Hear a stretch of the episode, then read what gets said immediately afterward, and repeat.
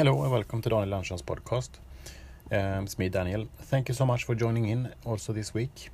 Um, I'm gonna do a live pod actually uh, uh, tomorrow, uh, Saturday, 6 June, 8 o'clock Japanese time on Instagram. Um, it's 12 o'clock in Sweden. Yes, and um, yeah, let's see what I'm going to talk about there. I have some ideas. Um, Segway, for example, because this thing um, you, you, say that you do a Segway. Where does that come from?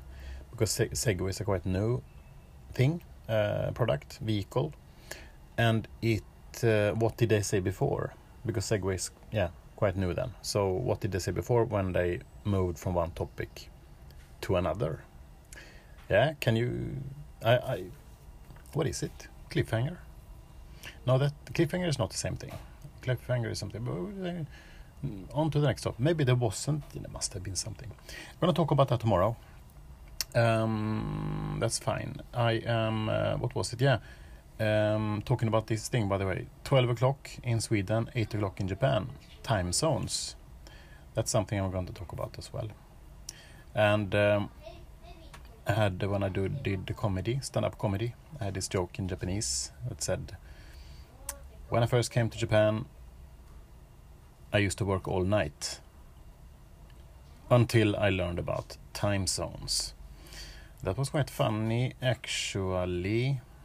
The, many Japanese people laughed, not laughed uh, right out, but you know a little bit of giggle, as they many of them did at least in those clubs. was one guy who laughed uh, hard, big laughs, and I um, was always happy when he was in the audience because he was laughing very high, laugh uh, at every joke, and people around him also started to laugh, and uh, always good to have people like that because it's kind of contagious laughs.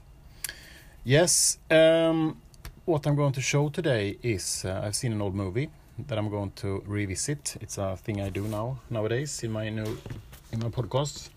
And um, the thing is that it was good in the 90s, but how good is it today?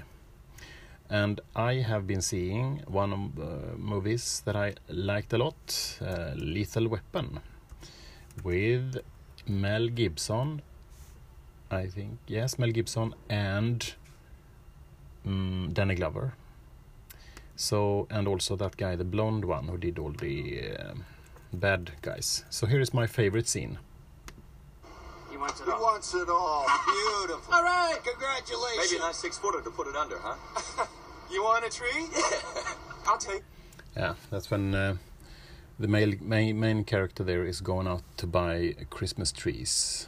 And uh, at the same time, when he does this, he sees that hmm they have some other things that are selling not only trees so he starts to bargain and it's so clever to see how he is just like they don't understand that he's a police officer because he looks a little bit long hair and uh, yeah no uniform and so on uh, and i think it's a very clever to look at how he talks with the people here and uh, ends with that he shoots them all or no, uh, maybe not shoot them, but they uh, are then put in prison. I think it's a very, very good movie.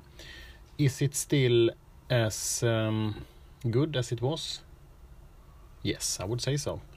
Um, even better actually, because back then it was just one of the many movies on this topic. You had uh, Dirty, not Dirty Harry, but what is it called? Uh, uh, Nakatomi. What is it? Die Hard um, came out also. So um, this was Lethal Weapon was always a little bit forgotten, but looking at it now, some years later, very good. Um, and and um, that's I think that is all for this evening, or for this uh, week's episode. I'm gonna talk to you again then tomorrow on the live podcast, and uh, see you then. Thank you.